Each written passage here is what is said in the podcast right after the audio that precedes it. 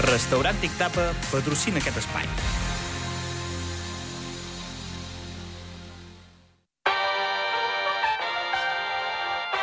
Zona Esports amb Joel Romero.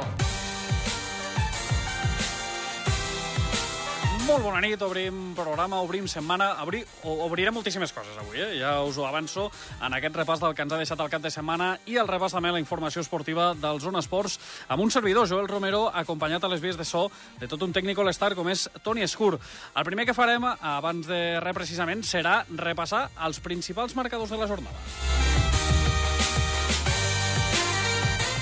A banda de repassar els marcadors, també repassarem una miqueta l'actualitat de la selecció, que hi ha novetats importants perquè hi ha hagut positius a l'expedició Tricolor. Explicarem una miqueta també com està tot plegat. Parlarem amb Tomàs Lomero, que ve de quallar un gran Open de Sabadell, amb Vicky Jiménez, que ve de perdre la final de l'ITF Júnior de Villena, i tancarem, fem una petita prèvia del que serà el partit del Morabanc Andorra a la pista del Movistar Estudiantes amb el nostre company Òscar Merino. Per tant, no perdem més temps i comencem. Comencem.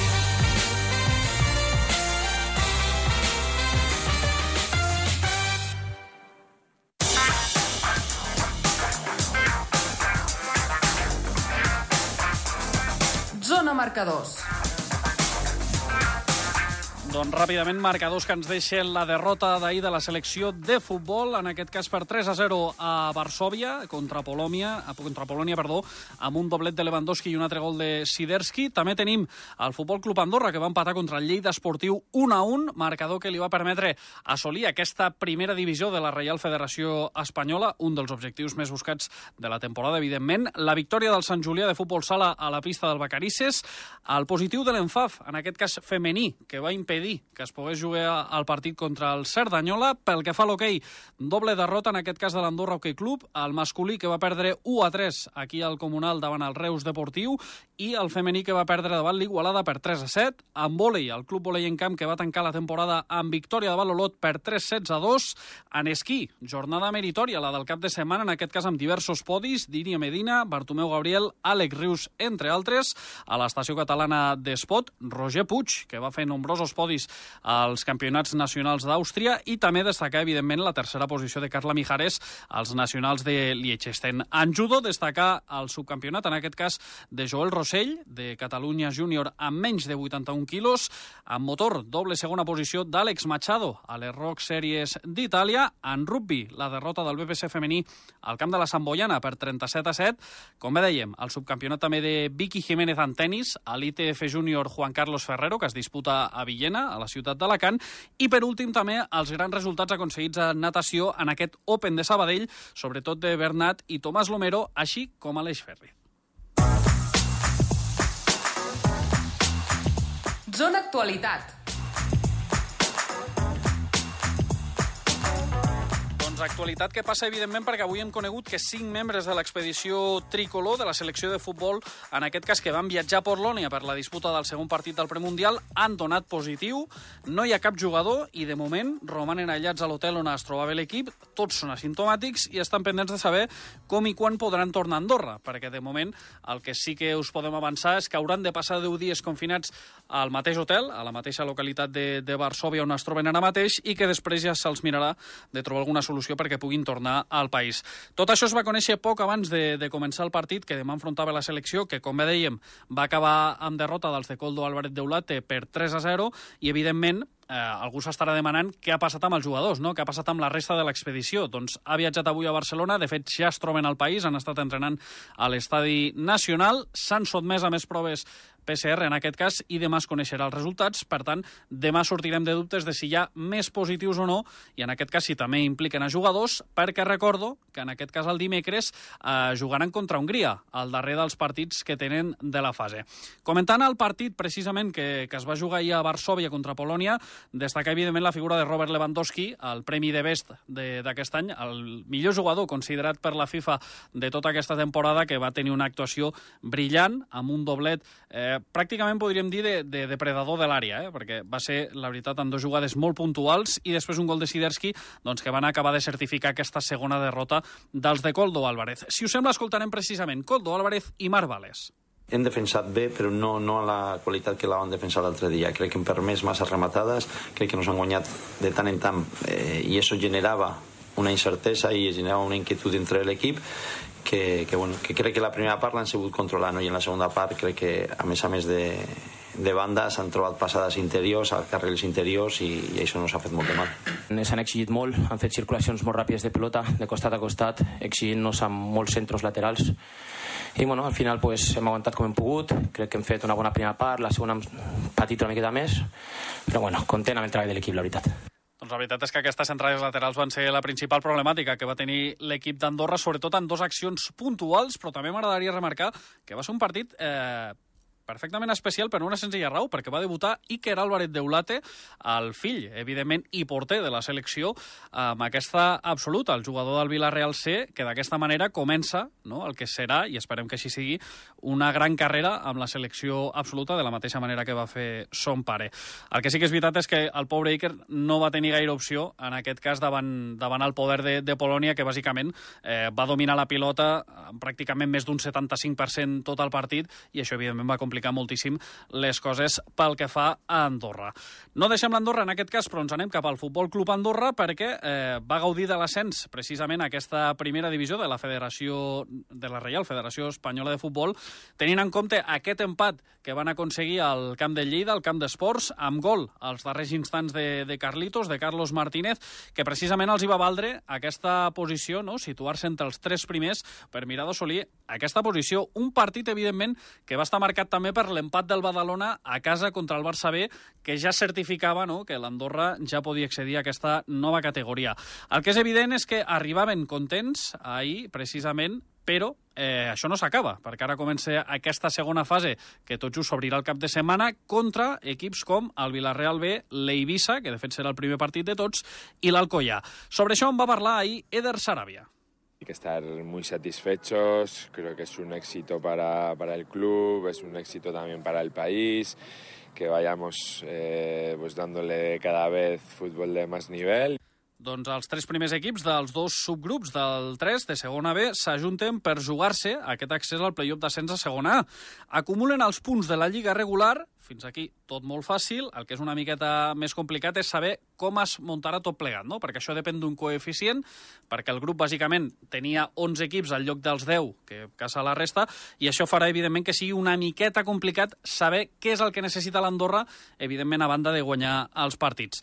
Al grup de l'Andorra hi havia un equip més i, per tant, cal dividir els punts aconseguits pels partits disputats. En aquest cas, aquest coeficient ara mateix, l'Andorra fa que el lloc de ser quart sigui l'últim, precisament per tots aquests partits jugats a la comparativa amb la resta d'equips. En tot cas, eh, per fer-ho fàcil, l'Andorra necessita guanyar més de 3 dels 6 compromisos que li queden pendents davant el Villarreal B, a l'Alcoyà i també l'Eivissa, que, com bé diem, serà l'encarregat d'obrir aquesta ronda. Escoltarem a Carlitos Martínez. Som més perillosos quan ens enfrontem a equips amb un alt nivell, no? eh, quan són partits que tots considerem molt importants. Anem amb la màxima il·lusió possible, tot i que millor estem una mica per darrere pel tema dels punts, però anem amb la màxima il·lusió possible i crec que aquest equip eh, sense pressió és molt perillós. Doncs amb tot aquest enrenou que jo mencionava ara per entendre com queda muntada aquesta segona fase, queda una pregunta sobre la taula, que és si està preparat l'Andorra per assolir aquesta segona. No, no hay que olvidarse que este club hace no mucho estaba en primera catalana y, y estos pasos que está dando tan rápidos, pues hay que también ir consolidándolos. No ens fiquem cap meta ni, ni cap sostre, no? Volem anar partit a partit, intentar guanyar els màxims punts possibles i, per què no, somiar. Doncs aquestes són les valoracions tant d'Eder Sarabia com de Carlos Martínez i el que és evident és que serà un repte més que majúscul en el qual Andorra necessitarà estar entre els tres primers d'aquesta segona fase que només inclou sis equips. Zona protagonista.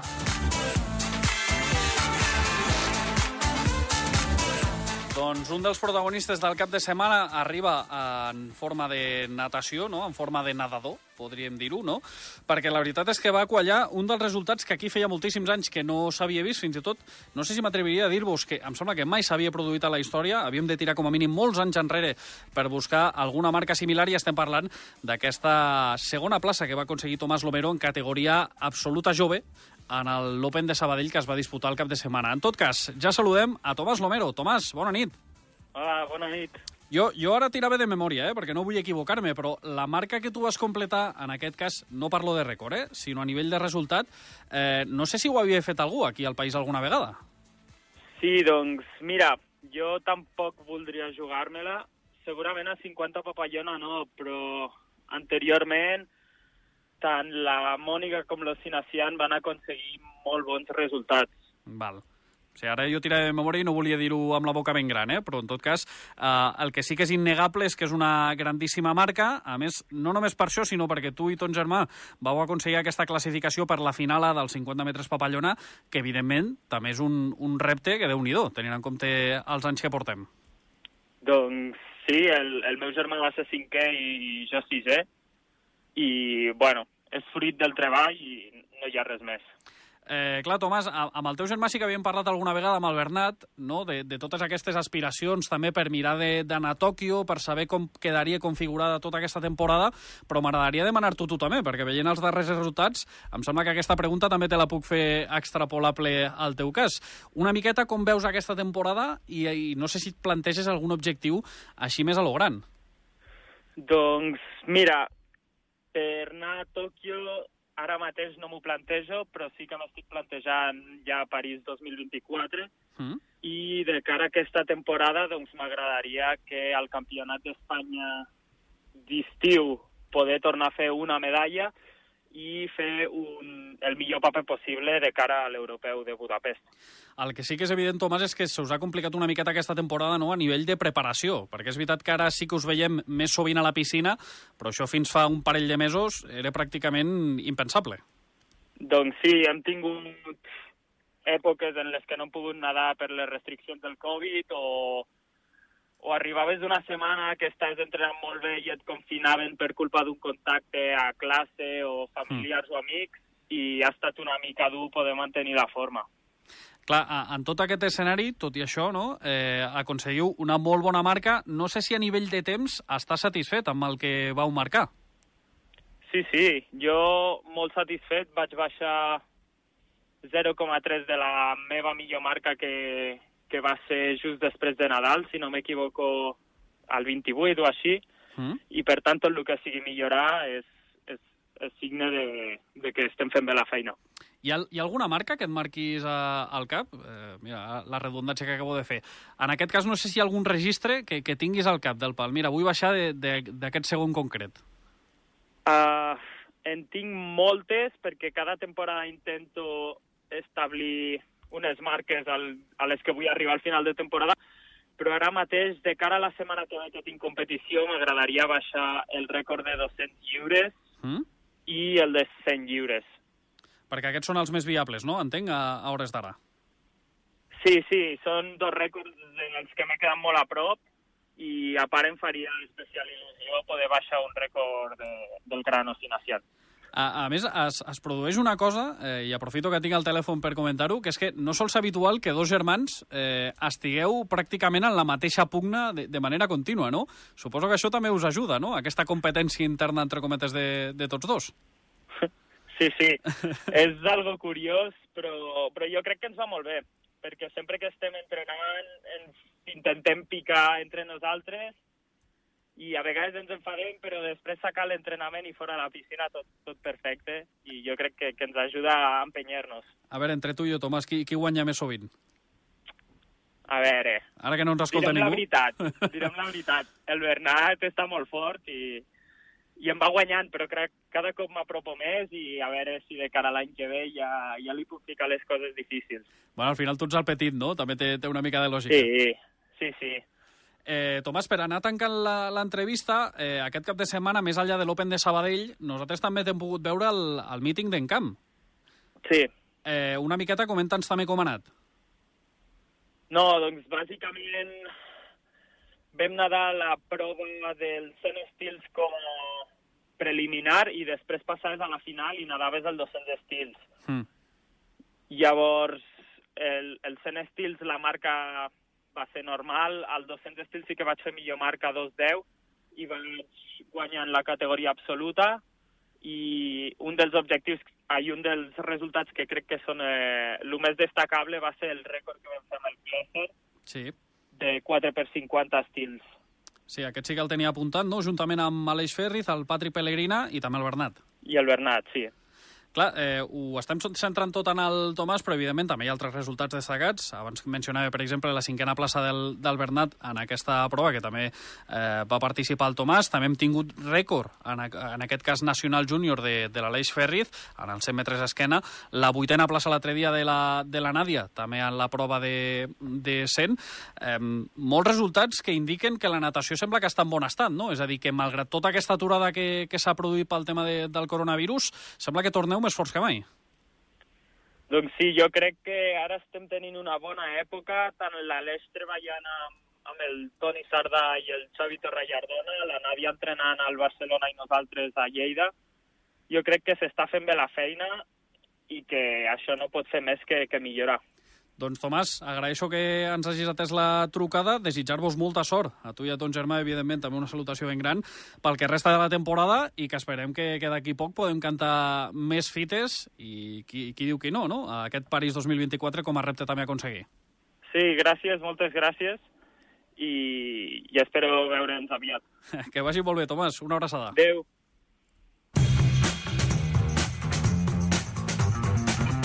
Zona Internacional. ITF Júnior de Villena, a Alacant, un dels més reconeguts a Espanya, evidentment, perquè porta també el nom de Juan Carlos Ferrero, que alguna cosa també té a dir en el món del tennis espanyol, i evidentment eh, teníem a la Vicky Jiménez, que va arribar a jugar a la final per segon any consecutiu, i la veritat és que segurament no li va anar del tot com s'esperava, perquè jo crec que sempre que parlem de la Vicky només s'espera la victòria, però en tot cas, per comentar-ho tot plegat, ja ens escolta el pare i entrenador, que és el Joan Jiménez. Joan, molt bona nit. Hola, bona nit, què tal? Com esteu? Bé, i tu? Bé, molt bé, molt bé. El primer bé. que, que aprofito per demanar-te, Joan, fer-nos una petita valoració de, de com va aquest cap de setmana.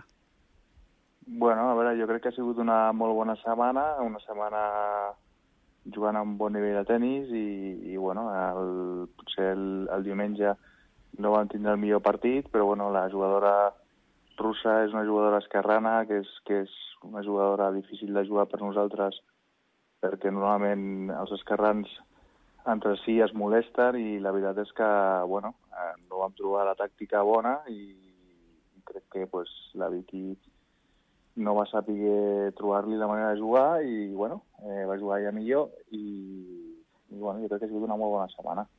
De fet, ja veniu d'una semifinal, no diré complicada, no?, perquè al final guanyeu de manera clara a, a la, si no vaig equivocat, Alina Esbiribiribina, i si ho pronuncio malament em disculparan els russos que m'escolten, eh? Eh, però en aquest cas sí que és veritat que potser eh, no va començar del tot com us esperàveu, no?, aquesta gran final. Bueno, a veure, el partit potser pues, eh, eh, va haver un moment al primer set que, que ella va estar més encertada i, i bueno, va treure quatre jocs seguits. Mm. Eh, després sí que vam tindre 4-4 pilota per ficar-se, eh, 5-4 pilota per ficar-se 5-5 la Vicky, amb una dreta que bueno, tenia que haver jugat paral·lela i la va jugar creuada i l'altra va agafar, la va agafar bé, però bueno, en principi a vegades els, els partits es decideixen per punts importants i, sí. i bueno, crec que quan jugues amb jugadors bons, pues, eh, que el cas de Snyder és una, una de les millors júnior que hi ha, pues, eh, has d'estar encertat, no? Has d'estar encertat i has de fer les coses bé. De, Potser de... nosaltres no vam estar encertats i, i ella pues, bastant sent més necessitat que nosaltres. De fet, la russa arriba bé com a cap de sèrie número 2, eh? que ningú es pensi que, mm que, que era una de les no favorites, per dir-ho així, juntament amb la Vicky, que en aquest cas era la cap de sèrie número 1.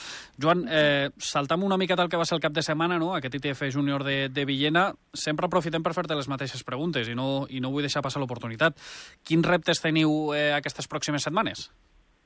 Bueno, nosaltres ara estem descansant aquestes dues setmanes, bueno, descansant, fent preparació física i quatre adaptacions que volem fer aquestes setmanes Després marxem a jugar uns 60.000 a Portugal, 25.000 a Portugal també, i pot, potser jugarem molt a Madrid si està depenent de, de si ens donen wildcard o no, que encara no se sap. Uh, encara no sabem res, està a l'aire i, i bueno, és una opció que potser serà, però de moment no se sap res, amb la qual no, no, no sabem si anirem o no anirem. De, de fet, entenc que fins i tot hi ha el dubte de si es disputarà o no, no? Perquè ara mateix amb la situació sanitària de, de la capital tampoc tinc molt clar si, si es farà o no, no? Jo crec que sí, jo crec que sí que es farà, però, però bueno, en principi crec que tot va endavant. L'any passat ja no, no es va fer i jo crec que aquest any eh, es farà perquè, bueno, al principi vam parlar amb el Feliciano i Feliciano tenia totes les ganes de tirar el torneig endavant, en el qual, i m'ha dit també, no? Suposo que jo crec que, que aquest any es farà. No, no ho teniu confirmat, Joan, però jo, jo crec que és pràcticament segur que com a mínim alguna wildcard, tenint en compte el rendiment de la Vicky, jo crec que és pràcticament impensable no? Que, que no pugui caure. Bueno, ja veurem, ja veurem a veure les decisions, mai saps, i a més en tornejos com aquests, que hi ha tanta demanda, hi ha jugadors tan bons que estan demanant la mateixa plaça que podria otorgar la Vicky, no? Estem parlant de jugadors tops, potser que no s'han apuntat, o, mm o de gent que, pues, bueno, eh, que estan 300 primers i que no entra, i perquè aquí hem de dir que el torneig tanca les 60 primers, primers jugadors entren al quadre final i les altres tenen que jugar a la quali, sí. amb la qual és un nivell top, no? I llavors pues, sempre hi ha demandes i, i fer content a tothom pues, és difícil, no? Però bueno, jo crec que tenim bastants números, ja l'any passat hi havia opcions de que ens donessin aquest wildcard i hi ha intenció de que li donguin, però encara no sabem res. O sigui, amb la qual no podem, no podem, podem dir que anirem a jugar. Però bueno, en tot cas, en principi, en tot cas, Joan, que esperem que, que així sigui, com no pot ser d'una altra manera, jo crec que així acabarà sent, si no, en tot cas ja, ja rectificarem més tard, eh, desitjar-vos, evidentment, que aquesta setmana sigui profitosa, perquè sé que parlaves abans de descansar, jo sé que descansar no descanseu gaire, però en tot cas que, que sigui beneficiosa, que pugueu fer un reset també a nivell de, de cames i cap, que, que ben a falta us fa, i en tot cas que, que estem pendents de veure totes aquestes novetats i de saber finalment si la Vicky participarà en aquest Mutum a Madrid. Joan, una abraçada ben gran. Moltes gràcies. Molt bona nit. Adéu, bona nit. Zona prèvia. Doncs eh, a gos flac tots són pusses. Eh, jo crec que aquesta és la millor definició del que succeirà d'aquí a uns 7 minutets, que és veure el partit del Morabanc Andorra contra Movistar Estudiantes, perquè la veritat és que es fa difícil pensar en un escenari pitjor, segurament n'hi ha, eh? Però es fa difícil pensar com a mínim a hores d'ara eh, un escenari pitjor que el que tindrà Ivon Navarro a l'hora de decidir la rotació per al partit d'avui. Per comentar-ho, ja ens escolta el nostre company, Òscar Merino, bona nit. Què tal, Joel, com estàs? Bona nit. Aquí anem fent. El que no sé si va fent, en aquest cas, és Ivon Navarro i aquest Morabanc Andorra, que sembla que amb les lesions que no estem tenint sort, eh? A veure, ajuda'm, eh? Fem llista. No està, no està Musa Diany? Efectivament. No, no està, està Malik Timé. Malik Timé. No està no Tomàs Gielo. Tomàs Gielo. Tampoc està Nacho Llobet.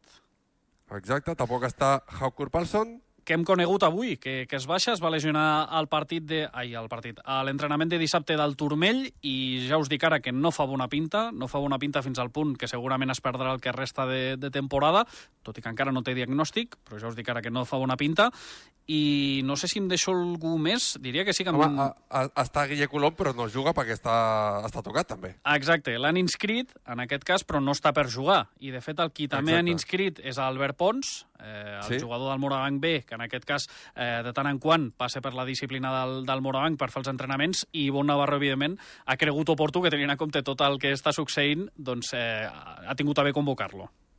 Doncs imagina't, si, si ja va ser un miracle veure el que va ser capaç de fer el Morabanc Andorra la setmana passada guanyant i com va guanyar, remuntant i com va remuntar i amb pròrroga inclosa contra el Baxi Manresa, imagina't, no? Jugant avui a Madrid, a la pista del, del Movistar Estudiantes, un equip que va, va de menys a, a més, amb J. Cuspinera a la, a la banqueta, amb un joc interior potent, amb molt de potencial també per fora, un equip que eh, està habituat a jugar als 80-90 punts per partit. Imagina't el que hauria de fer avui l'equip d'Ivan Navarro, eh, Joel, per, per intentar sumar una tretzena victòria per seguir vivint de ben a prop la lluita pels play-off i aprofitar també doncs, les derrotes de rivals directes, d'Uticaja, de València, de Penya, en aquesta 28a jornada de la Lliga Endesa, doncs, per intentar fer els deures, intentar guanyar avui a, a Madrid, però està clar que, eh, vist com arriba l'equip, no ho tindrà gens, gens, gens fàcil. Jo em sembla que t'ho vaig comentar l'altre dia i ho vaig, començar, ho vaig comentar precisament a la roda de premsa, que sembla que quan pitjor li van les coses a aquest equip, millor rendiment en treu. Per tant, esperem que, que així sigui. En tot cas, hem fet aquest primer apunt del que serà el partit. Nosaltres que marxem ja, però de seguida ja teniu a l'Òscar Merino preparat per explicar-vos-ho tot. Òscar, gràcies i ens escoltem aviat. Una abraçada, fins ara.